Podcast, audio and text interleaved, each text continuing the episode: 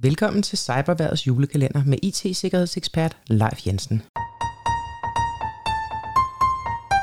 Mit navn er Leif Jensen, og jeg har arbejdet med IT-sikkerhed i snart 30 år.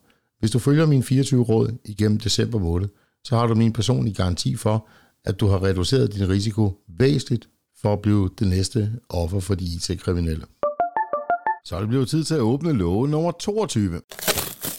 Der står russisk kærlighed.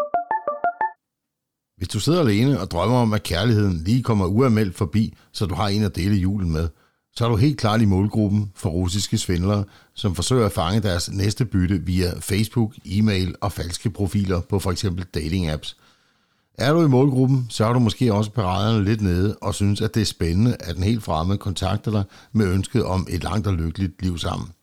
Men pas nu på, at du ikke bliver snydt. I langt de fleste tilfælde er de kun ude efter én ting, nemlig dine penge. Det starter i det små, men først efter I har udvekslet nogle mails, og tilliden den er opbygget. Så kommer der måske et ydmygt ønske om et tilskud til flybilletten, et tilskud for, til at få lavet pas og visum. Hvis du bliver fristet til at betale, så kan du være helt sikker på, at der ikke går lang tid før et nyt problem opstår.